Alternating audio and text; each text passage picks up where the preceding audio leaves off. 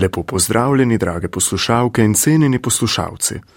Za nami je obhajanje 60. obletnice začetka drugega vatikanskega koncila. To obletnico smo obeležili v preteklem tednu in sicer 11. oktobra. Prav zato je letošnje leto nekaj posebnega, saj je prav 60 let od začetka letega. Drugi vatikanski koncil je zelo velikega pomena za nas vse katoličane, saj je prinesel veliko novih dopolnitev znotraj cerkve. Prav 11. oktober leta 1962 je koncil uradno otvoril papež Janez 23. z govorom v baziliki svetega Petra v Vatikanu. Koncil je trajal kar tri leta. Pridobljeni sadovi pa nikakor niso končni in se še vedno razvijajo. Od drugega vatikanskega koncila smo veliko prejeli, poglobili smo naprimer pomen božjega ljudstva, osrednje kategorije v koncilskih besedilih, ki je omenjena kar 184 krat. Poleg tega pa smo poglobili pomen ekumenskega dialoga. Posebno pa je bil povdarek na tem, da je vsak je krščen dejansko dejavni subjekt evangelizacije. Danes se nam je v studiu pridružil gospod Anže Cung, ki je duhovnik in novomašnik iz leta 2020. Trenutno deluje kot kaplan v župniji Sveti Križ v Ljubljani. Gospod Cung, lepo pozdravljeni v naši družbi. Lepo pozdravljeni in hvala lepa za povabilo. Bi nam za začetek zaupali, kaj je bil sploh povod za začetek drugega vatikanskega koncila?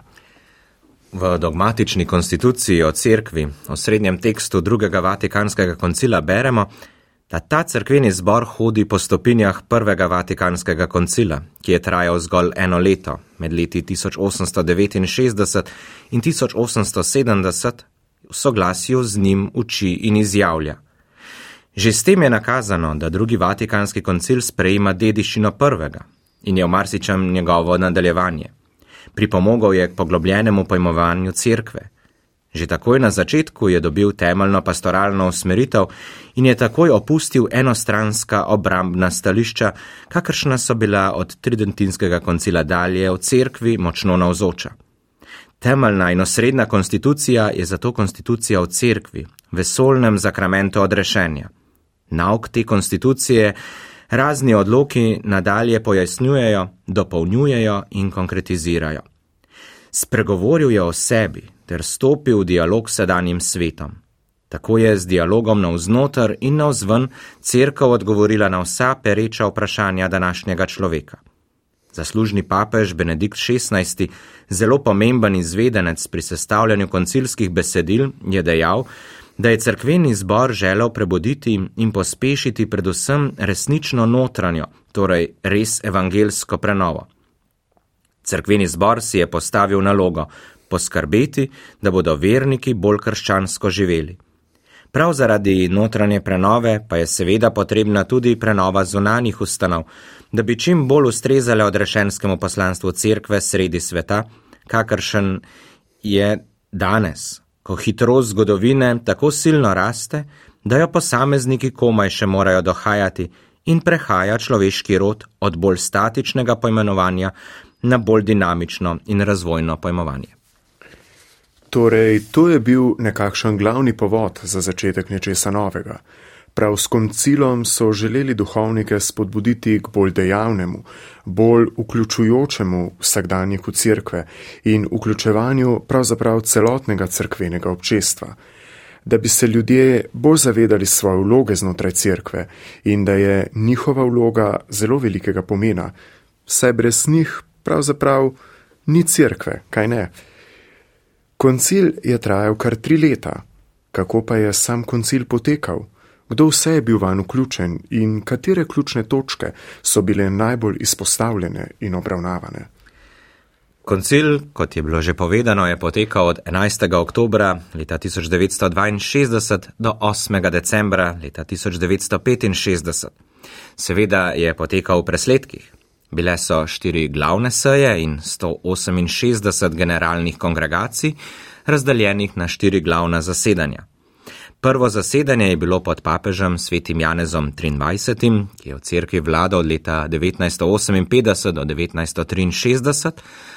in to zasedanje je potekalo od 11. oktobra do 8. decembra 1962. Vsa ostala pa pod papežem svetim Pavlom VI. Drugo zasedanje od 29. septembra do 4. decembra leta 1963, tretje od 14. septembra do 21. novembra 1964 in zadnje četrto zasedanje od 14. septembra do 8. decembra 1965. V svoji formalni zgradbi se pravzaprav ni razlikoval od prejšnjih koncilov. Glasovalno pravico je imel vsakdo izmed škofov, generalnih predstojnikov izuzetih redov in prelatov z lastnim crkvenopravnim področjem. Razlika pa je bila v tem, da krok udeležencev ni nič več nosil izključno evropskih potez, ampak je v veliki meri izbral svetovni episkopat, torej škofe z celotnega sveta. Nan so bili povabljeni tudi laiki, kot opozovalci in poslušalci, ki so nekajkrat imeli tudi govore v sami koncilski dvorani. In tokrat so bile zastopane tudi nekatoliške cerkve in cerkvene skupnosti, ki so bile povabljene, da so poslale svoje opazovalce.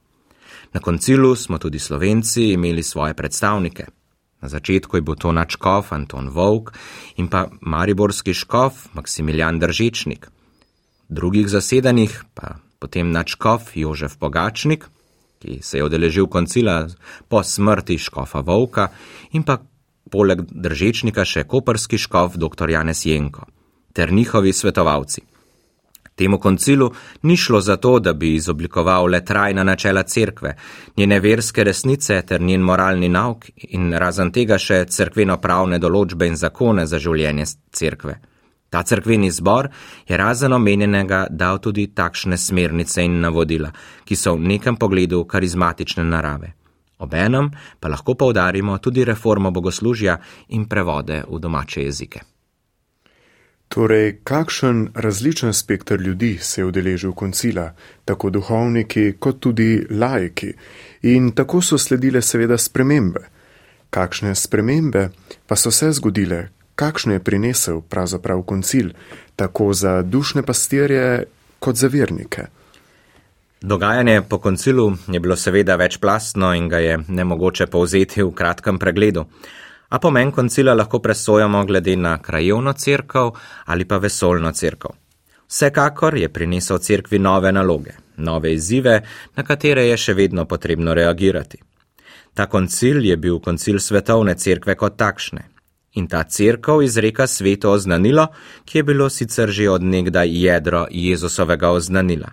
A crkv ga danes vendarle oznanja bolj brezpogojno in bolj pogumno, kakor prej, in to je, da luč Kristusovega evangelija osvetljuje naš čas in našo prihodnost glede poslednjih in najodločilnejših vprašanj.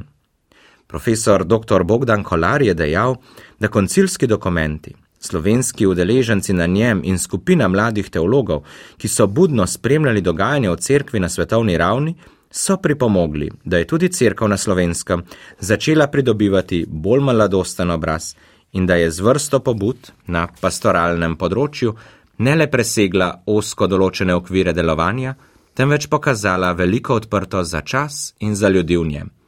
Kot zgodovinskega bi mogli označiti njihov prispevek pri uresničevanju koncilskih pobud na področju tudi ekonomskega dela. Torej, koncil je dejansko prinesel nove poglede na določene stvari in v središče je postavil tudi evangelizacijo da smo kot kristijani ozaveščeni in znamo to pravo vero živeti in jo tudi posredovati drugim. Lahko bi rekli tako v mislih, besedah in predvsem dejanjih. Omenili smo že pomen ekumenskega dialoga. Kako pa je vse to vplivalo na druge religije in kje se skriva srčika, ki je vodila do ekumenskega dialoga, ki se ga še danes trudimo graditi med seboj?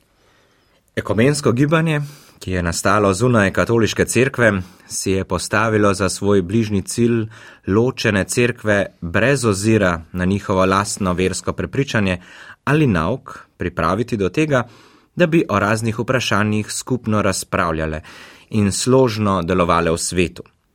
Ekumensko gibanje je nastalo ob delovanju svetega duha. Bistveni izraz cilja ekomenskega gibanja je skupno obhajanje Euharistije, torej svete maše.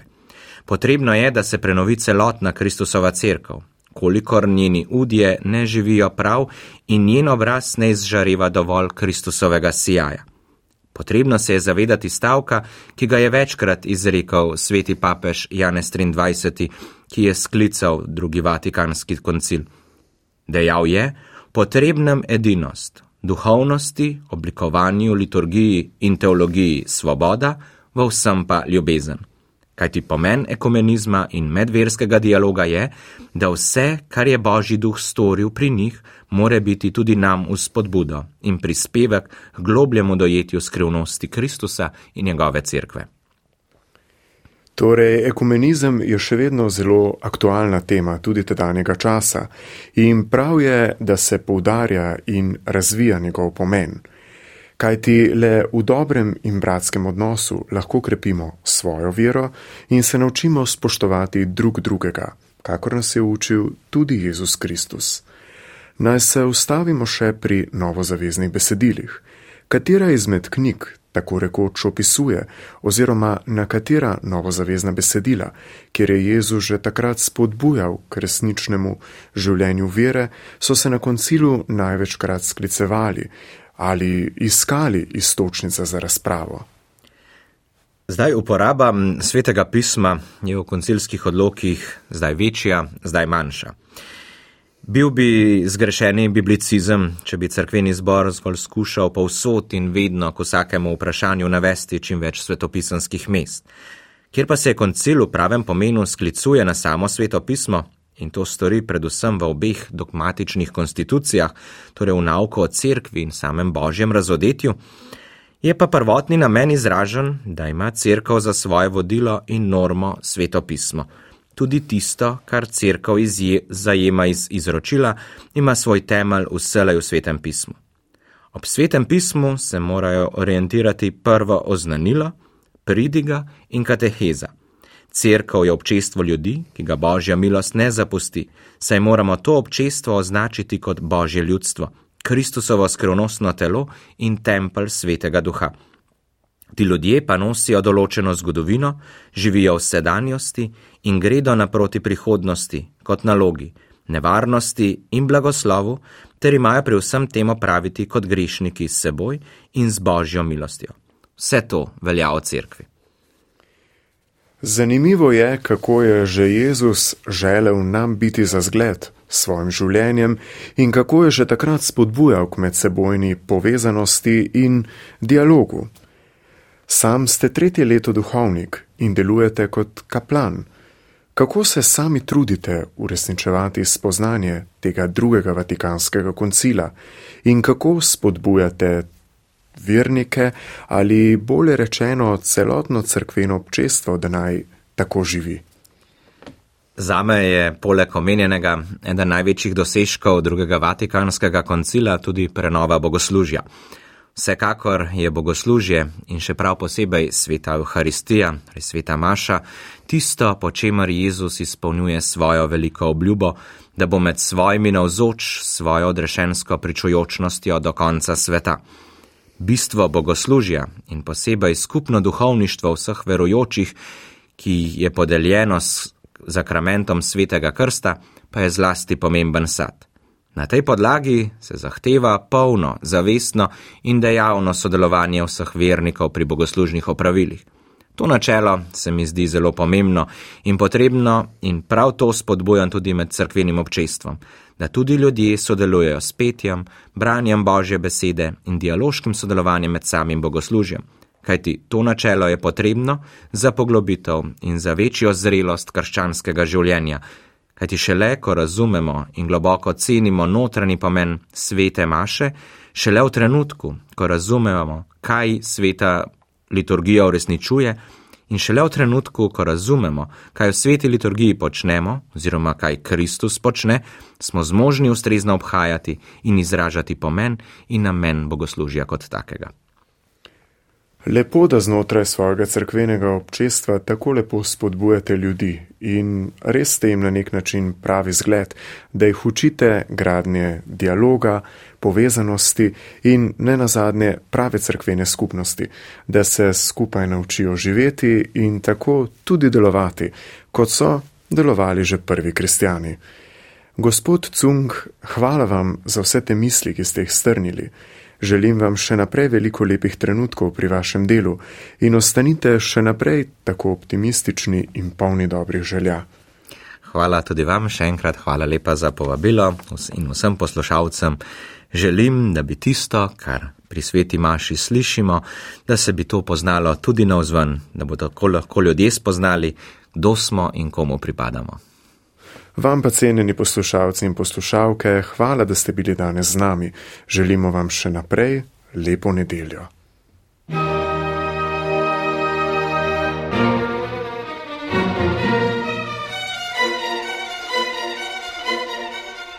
Sedmi dan.